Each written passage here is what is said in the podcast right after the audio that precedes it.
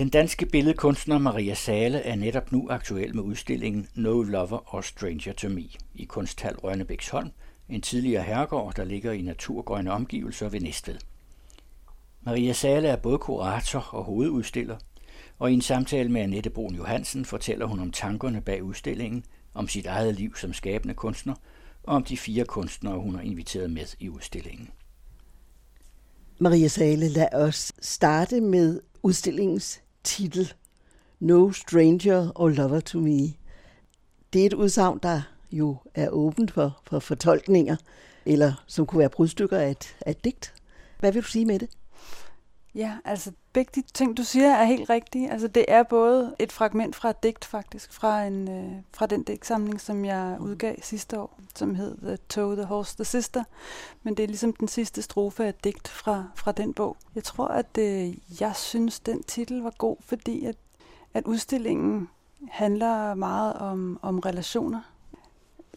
Det, at man har en fremmed øh, i sit liv, eller uden for sit liv, eller en elsker.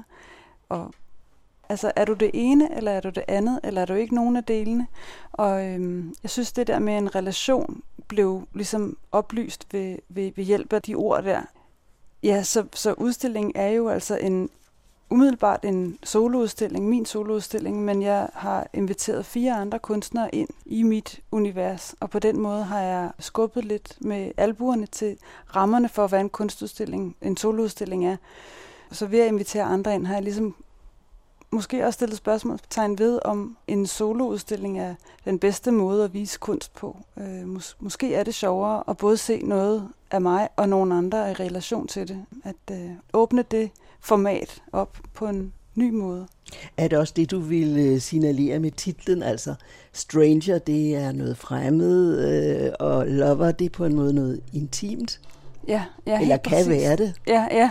Og jeg tror også, det er det, jeg synes, at kunst er god til, både at, at komme helt tæt på følelsesmæssigt. Altså noget, som er så, så nært, at det måske næsten stikker lidt, og så samtidig, så kan jeg i hvert fald godt lide at opleve kunst, som jeg ikke helt forstår, eller som, som føles som om, det er noget, jeg aldrig har set før. Øh, den nysgerrighed, kunst kan vække, det er i hvert fald noget, jeg selv gerne vil opleve, og også selv gerne vil skabe. Så kunstoplevelsen er i mine øjne også noget med at turde give sig hen til noget, man ikke helt ved noget om, men også at turde give sig hen til noget, der netop er meget intimt eller kærligt. Ja. De kunstnere, du så har valgt at åbne op for, eller lukket ind i dine rum, hvem er de, og, og er det mennesker, du har en til relation til? Ja, det er fire kunstnere, mm. øh, og de er øh, to af englænder øh, og to af danskere, så det er øh, også lidt en på en måde en præsentation af, af mit liv, som både har været i England og i Danmark. Jeg har studeret i, i England og boet i London i 15 år. Men øh, Philippa Barlow var min gamle professor, min underviser på Slade School of Fine Art, og hun er en fantastisk øh, billedhugger, som er, ja, altså på min mors alder, en anden generation end mig. Hun har været øh, formende for min udvikling, tror jeg, som billedkunstner, i og med, at øh, hun har den her nysgerrighed over for materialer og for taktiliteter, og også over for mm. det der helt nære. Altså det, jeg tror, jeg holder fast i fra, fra hende, er den der relation mellem det formelle og det følelsesmæssige. At de to ting på en måde er det samme. Hvordan tænker du det? Ja, at når man laver en form, så skal den ikke repræsentere noget andet end sig selv. Man går ikke ud i en narrativ eller en historiefortælling, som er uden for værket. Det formelle kan i sig selv bære en følelse, som man kan have som kunstner, men som man også kan på en eller anden måde mystisk nok kommunikere til altså et publikum. Til. Mm. Og, og den der relation mellem formen og følelsen, og at tro på, at det kan lade sig gøre, selvom det nogle gange virker håbløst, eller svært, eller umuligt, så, så tror jeg, det er den interesse, som jeg holder fast i. At noget helt abstrakt, som hverken har næse eller mund, eller en firkantet ramme, at det også kan gå helt ind i hjertet og blive øh, livsforandrende, intenst, fantastisk, og som man kan bære med sig videre. Og så er der så Anthea Hamilton, som er den anden engelske kunstner. Hun er en kvinde, som jeg har kendt i London, og som har inviteret mig med i nogle udstillinger i England. Sådan foregår det jo tit, når man laver billedkunst, at man inviterer hinanden til at være med i udstillinger eller i projekter. Og hun arbejder sådan meget installatorisk med performance og med installation, som man tit som publikum i hvert fald bliver lidt sådan en aktør i et spil, hvor man ikke igen ikke helt forstår, hvad det er, teateret egentlig går ud på. Men øh, hun har til udstillingen lavet et øh, jakkesæt, der er øh, lavet af sådan noget murstenstrygt mm. stof, og så har hun lavet et murstenstapet, som fylder et helt rum. Og hun snakker om det her med, at bygningen bliver vendt på vrangen. At man ligesom lige pludselig er i det modsatte rum, end det man regnede med. Og samtidig er det hele lidt fake, fordi man kan godt se, det er et murstenstapet. Så det skaber ligesom en øh, virkelighedsforvrængning, hvor man også bliver nødt til at involvere sig selv og tænke, hvad er det for et rum, jeg står i? Altså, hvad er det her kunstrum for et rum? Og hvad er min krop i det her rum? Og objekt og rum går så i et, ikke? Altså, der er mursten på et hængende jakkesæt, og der er mursten på væggen, og hvad sker der, når de to ting glider sammen? Så det forstyrrer ligesom en eller anden form for forventelig relation mellem objekt og rum.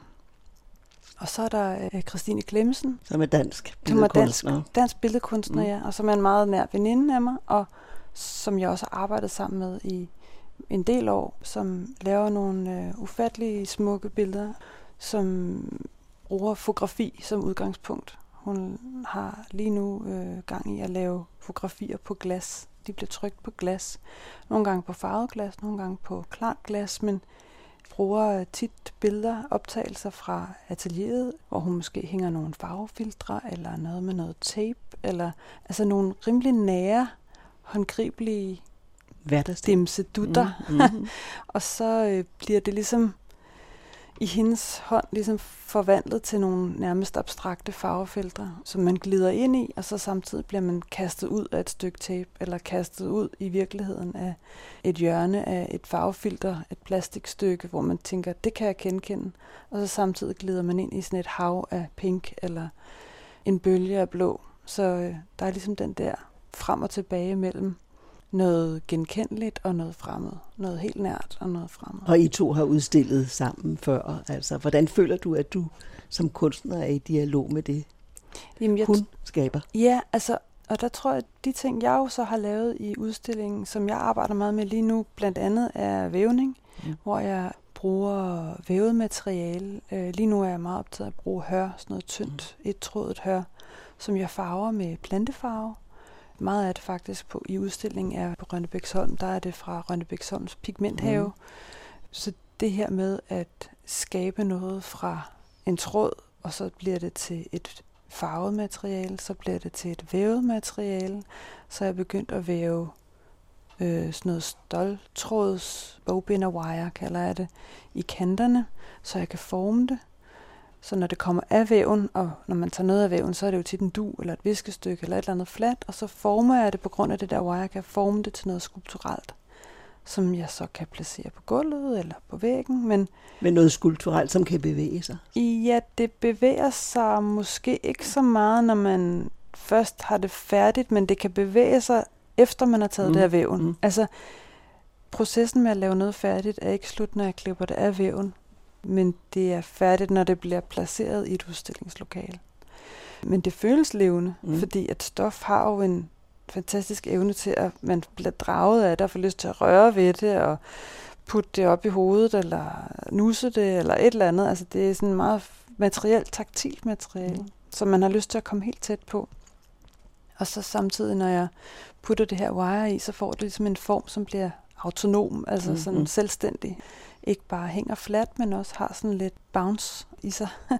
og så er det placeret på de her stålskeletter, som bliver en slags kroppe. De bliver en slags kroppe, de her skulpturer i rummet. Øh, jeg har lavet syv værker på den måde, som i Rønnebæksholms syv udstillingslokaler ligesom leder dig igennem rummene mm. og tilbage igen. Øh, Rønnebæksholm har sådan en særlig fin arkitektur, hvor man starter det ene sted og går igennem syv rum, som er nogle gamle fine stuer faktisk, med flotte gulve og dejlige stuk og så videre, og flotte vinduer ud mod parken. Og så mm. kommer man ind til lokal 7, og så må man vende om og gå hele vejen tilbage igen. Så jeg har også tænkt meget på det der forløb med, hvordan man starter et sted, og går igennem en hel masse rum, og så skal man igen tilbage. Og hvad sker der i den der mm. tur tilbage? Oplever du det så på en anden måde? Har du ligesom, er du ligesom blevet preppet på en eller anden måde, eller blevet påvirket sådan så, at du nu er lidt en anden, øh, eller ser nogle andre ting, lægger mærke til noget andet og får nogle andre oplevelser på vej tilbage? Så jeg har brugt meget altså den der bevægelse, som ja. vi, vi laver som publikum, og som kunstner jo, før publikum kommer ind. Altså. Og som lokalerne giver muligheden ja, præcis. for. Mm. Ja, så, så på den måde er det jo meget, de her værker er lavet til Rønnebæk ja. ja.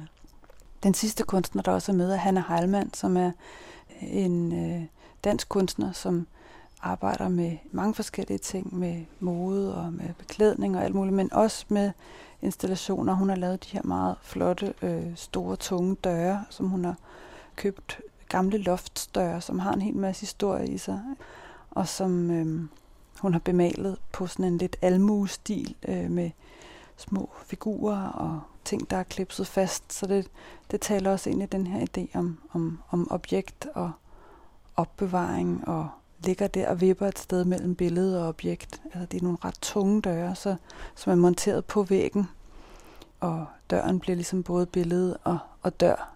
Jeg tror, alle værkerne i udstillingen på en eller anden måde leger lidt med det der med, at illusionen lidt er Altså, den er der ikke helt. Altså, den er på vej, men den er der mm-hmm. ikke helt. Vi kan se ind i et billede, men vi kan se, det er en dør.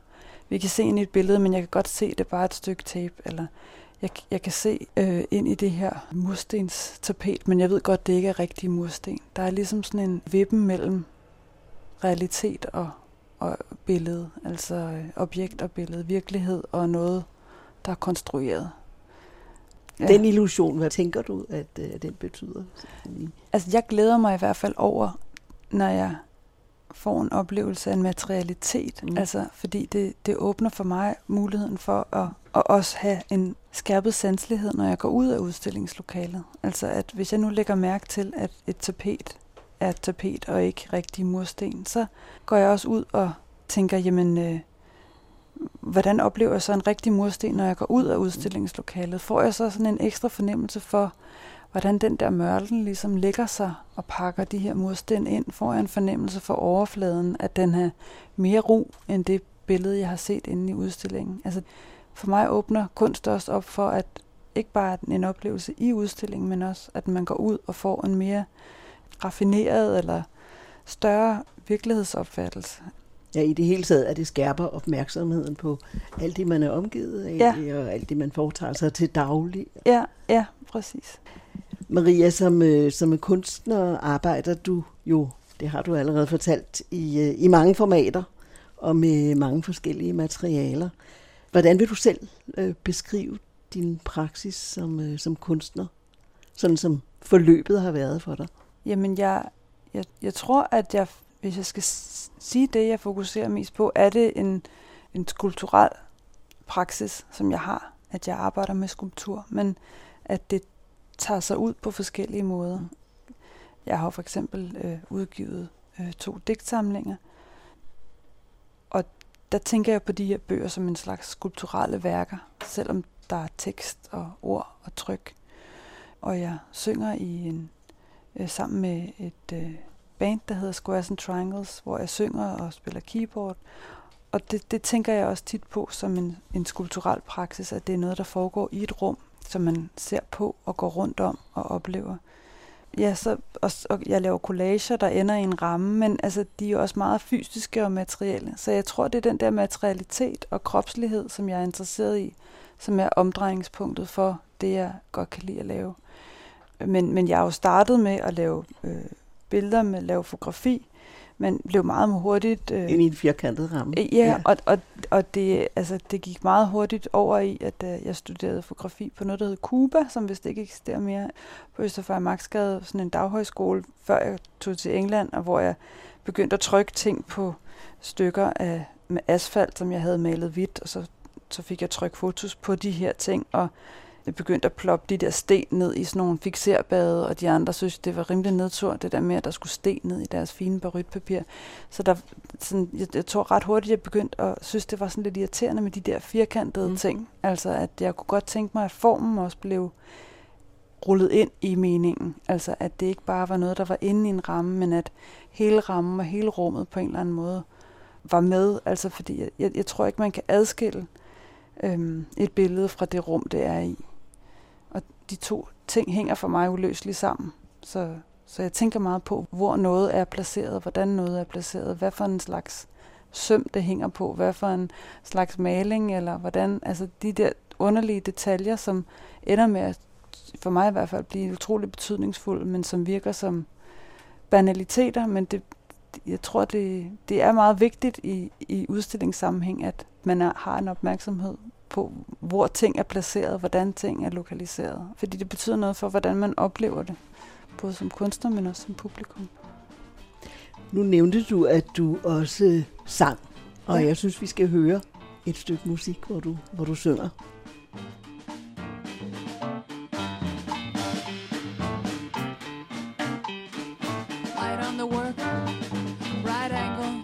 the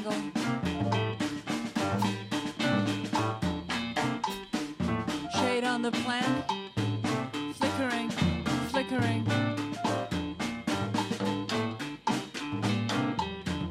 Wind on my skin.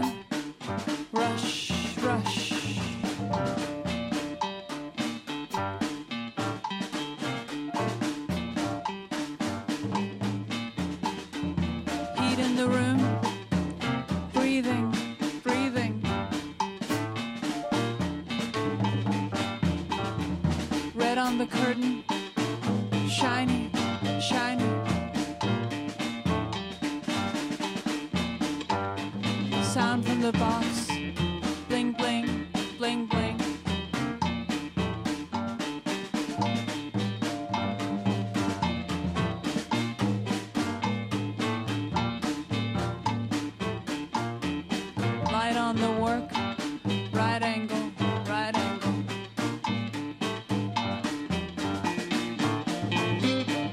on the planet.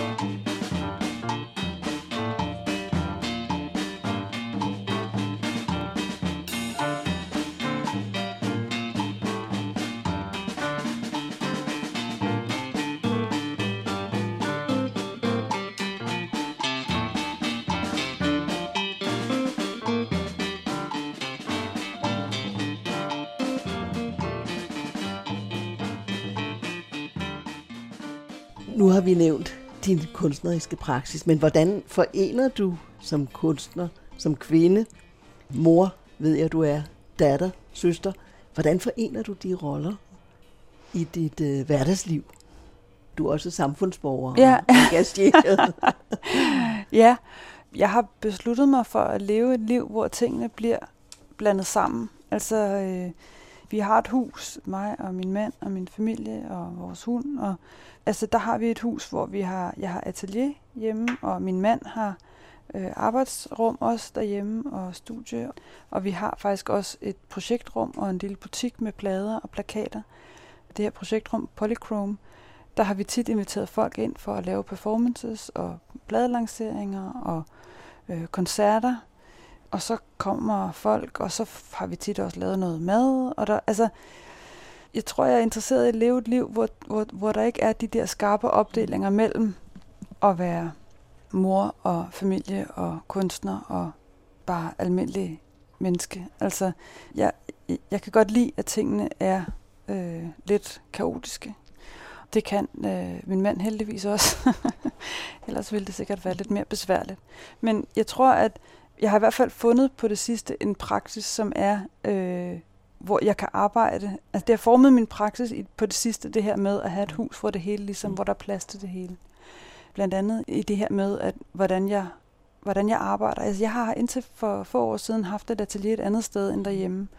Og nu arbejder jeg hjemme i øh, det, der engang var en udstue. Og det betyder så, at når jeg skal farve mit garn, så kommer det til at være et rum, som børnene måske går igennem, eller hunden går igennem. Og hvad for nogle materialer har jeg så lyst til at bringe ind i det rum? Altså, der er jeg ligesom blevet meget opmærksom på, jamen, øh, der vil jeg egentlig hellere have nogle planter end nogle syntetiske farver, som er giftige. Altså, så jeg har... Du arbejder med organiske materialer, kan jeg sige. Er der sådan et miljøperspektiv i det også? Ja, jamen det er der nemlig. Og det er jo både sådan den, i netop den der helt mm. lille ting med, at ikke at lade børnene indånde et eller andet underligt, men også at i det store perspektiv, at vi jo selvfølgelig altså, bliver nødt til at forandre den måde, vi arbejder på og lever på. Så jeg tror, den, det, det er både det der mikro og makro. Altså jeg er interesseret i med at omlægge en, min praksis til en mere bæredygtig praksis, både i, i form af de materialer, jeg bruger, og de processer, jeg bruger. Men også, altså, også med det her med, at ikke, ikke at prøve at gå på arbejde fra, fra 8 til 5 hver dag, og ikke nå, altså, så må tingene blive lidt blandet sammen, og så må børnene være lidt med på arbejde, og så må jeg lidt gå fra arbejdet og gå hen til, til deres rum, hvor, hvor, hvor de nu er, altså psykologiske rum eller fysiske rum. Men altså, jeg tror for mig i hvert fald, det er sundere, at tingene ikke er så hårdt opdelt. Mm at jeg ikke har en, en forventning om, at jeg skal være 100% professionel op på arbejde i x antal timer om dagen, og så resten af tiden, der ligger jeg bare som en karklud i en sofa eller sådan noget. Og det er en arbejdsform, en, en arbejdsmetode, praksis, ja. som du føler lykkes for dig? Ja, altså det gør det lige nu. Nu har jeg jo også nogle små børn, og, som er meget hjemme, og på et eller andet tidspunkt, så gider de nok ikke at være hjemme mere. Så kan det være, at det ændrer sig igen. Men, men jeg tror, at øh, det fungerer lige nu på den måde, at de to øh, verdener er ret tæt sammen. Altså, at man kan trække tingene ind i hinanden. Man kan trække en kæmpe stor gryde fyldt med rødder og rødt materiale ind i køkkenet, og så kan man lige lave en, øh, en mad bagefter, mens det står og koger, og så kan jeg gå tilbage til det bagefter. Så lad os lige vende tilbage til Kunsthal Rønnebæksholm. Ja. Hvis du skal beskrive det sted, ja, hvad er det for et sted? Det ligger jo et stykke uden for København. Jamen, det er en investering. Mm. Jeg kom derned mm. for mange i hvert fald, anmeldere og så videre. Altså, det tager en time at køre bil, og tror tre kvarter med tog. Ja, det ligger lige uden for Næstved. Det er en mm. gammel øh, herregård. Altså det var et hjem øh, for Marie Toft, og blandt andet også for Grundtvig ja, en periode. Som har sit eget lille hus. Og, og der blev bygget et lille hus ja. til ham, hvor han kunne sidde og, og skrive. Sikkert, jeg tror, det var noget med, at han røg den der pipe, som hun ikke kunne holde ud. Mm. Så øh, der blev ligesom arrangeret, at han kunne sidde derovre og pipe den. Og så kunne hun øh, få sin stue uden røg. For sig selv. Øh, og den ligesom lidt hjemlige kvalitet er stadigvæk i udstillingsrummene, som jeg tidligere fortalte om. Det, det er sådan ligesom en øh, syv stuer og en suite, mm. som ligger langs med en række med, af vinduer, der ligger ud mod en stor park. Altså det er et sted, som er unikt i forhold til for eksempel kunsthaller i København. Altså der er en plads og nogle vider rundt omkring øh, Rønnebæksholm, som er helt utrolig smukke og fine. Og for mig har Rønnebæksholm også haft den øh, dejlige ting, at der er blevet etableret noget, der hedder en pigmenthave. Ja. Altså det er en tekstilkunstner, der hedder Sara Gade, som har etableret den og nu også sammen med en gruppe kunstnere og frivillige af forskellige herkomst, altså øh, som vil alt muligt forskelligt. Vi er ligesom øh, gået sammen og, og, og, og kører den her pigmenthave. Altså så er helt klart det bærende element. Og der har vi altså fået sået japansk indigo og vav og vejt, som er den øh, danske version af blå, og en hel masse fantastiske planter, som, som altså kan bruges til at, at skabe farve, til at farve stof til at farve garn, men øh, altså i, i udstillingen har jeg faktisk brugt de farver fra pigmenthaven til at indfarve væggene. Så mange af væggene i udstillingen lige nu på Rønnebæksholm er farvet med planter fra pigmenthaven. Så det er også en måde at bruge den farve på. I stedet for maling ned fra Dyrup, så kan man plante dem selv og, og koge dem op, og så bliver det en farvesuppe, som kan øh, simpelthen give farve på væggene. Og nu må vi se, hvor længe det holder. Altså det er holdt indtil videre i halvanden måned, uden rigtig at, at falme, så jeg, jeg tror, der er potentiale i det. Ja. Og pigmenthaven, den fortsætter? Ja, den fortsætter, ja. Og det, øh, der er faktisk lige blevet sået hør, så nu er der også en hørproduktion i gang i haven. Altså, Danmark har jo været et stort hørproducerende mm. land i, i mange år, og så er det blevet fuldstændig lukket ned. Det blev noget, som der blev dyrket i Sovjetunionen i, i, og nu også i Litauen øh, og Letland øh, er der meget hørproduktion, og andre steder i Europa også, men Danmark har øh, ingen hørproduktion overhovedet. Øh, så det er også ligesom en, en, en, en måde at prøve at, at genopdage nogle gamle håndværk, nogle gamle produktionsmetoder, øh, som jo vil være oplagt. Altså det danske klima er ideelt til hørproduktion. Men hør er meget besværligt at dyrke og spinde, fordi at man dyrker det, og så skal det høstes, og så skal det ligge, og så skal det rådne lidt, og så skal det bankes igennem og hejles og spinde. Altså der er en, det er en meget lang proces for at komme fra hør hørplante. Sin skønhed. Jamen det har det. Jeg elsker at høre. Mm. Altså det er et fantastisk materiale. Altså vi kan længes efter de her gamle håndværk og sådan noget, men, men der er altså også et kæmpe arbejde i det, som er Altså det der med arbejdskraft, altså det er, jo, det er jo også derfor, at ting flytter ud af Danmark. Det er jo fordi, at, at, at det tager så mange timer, og vi ikke er villige til at betale så meget mere for det. Hvis vi skal producere det selv, så, så bliver det bare meget, meget dyrt, fordi vi også har en eller anden forventning om, at vi skal have nogle penge for de timer, vi ligger i et arbejde. Så altså hele den have er jo, altså det er jo frivilligt arbejde også, der ligger i det. Men, øhm, men måske en vejviser i fremtiden. Det håber mm. jeg, fordi det er oplagt at lave hør altså i, i Danmark. Og jeg tror, der er rigtig mange kunstnere og vævere, som, øh, som vil være meget glade for at kunne bruge dansk hør. Øh, jeg vil i hvert fald være helt op at køre over at kunne bruge dansk hør i stedet for. Jeg bruger noget hollandsk hør, som er økologisk, men altså dejligt at kunne lave det selv. Men jeg, jeg, men, men jeg vil ikke selv lave det hele, fordi det, det tager alt for lang tid. Jeg vil godt slutte af ja. med, med dig som samfundsborger, for jeg ved, du også har et engagement i miljø og natur. Ja. I nærheden af, hvor du bor. Ja, jeg har været aktiv i Amager Fælles Venner, og mm. øh, er stadigvæk øh, aktiv, og jeg laver faktisk på lørdag en øh, plantefagningsworkshop på Amager Fællet. Der er jo i, i Danmark så lidt natur i forhold til mange andre lande. Vi ligger virkelig og, og roder et eller andet sted nede på bundlinjen i forhold til, hvor meget natur der er. Og også i København har vi øh, meget lidt øh, grønt i forhold til andre øh, store byer. I hvert fald øh, i forhold til, hvor, hvor, hvor, hvordan vi snakker om København som en grøn by. Mm. Så øh, det her med at skulle bygge på Amagerfældet og lave den endnu mindre, det øh, virker som et fuldstændig galt projekt.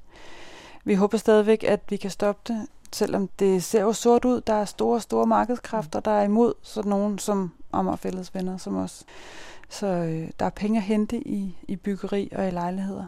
Men øh, jeg håber stadigvæk, at vi kan få det stoppet, fordi at der er rigtig mange københavner, der er imod projektet. Altså, øh, jeg tror også, det her med en kæmpe stor øh, klimakrise gør jo også, at vi bliver vi får øjnene op for, hvor, hvor, hvor sårbare vi er som mennesker, altså, og, og hvor sårbar naturen faktisk er, og, og hvordan vi er en del af, af naturen øh, som menneskekroppe og som, som menneskerace og, og at øh, det her med at, at, at kæmpe for naturen, det virker som en sådan meget naturlig ting at gøre, øh, at, prøve, at prøve at stoppe, at vi laver naturen endnu mindre i, i vores nærområder i Danmark.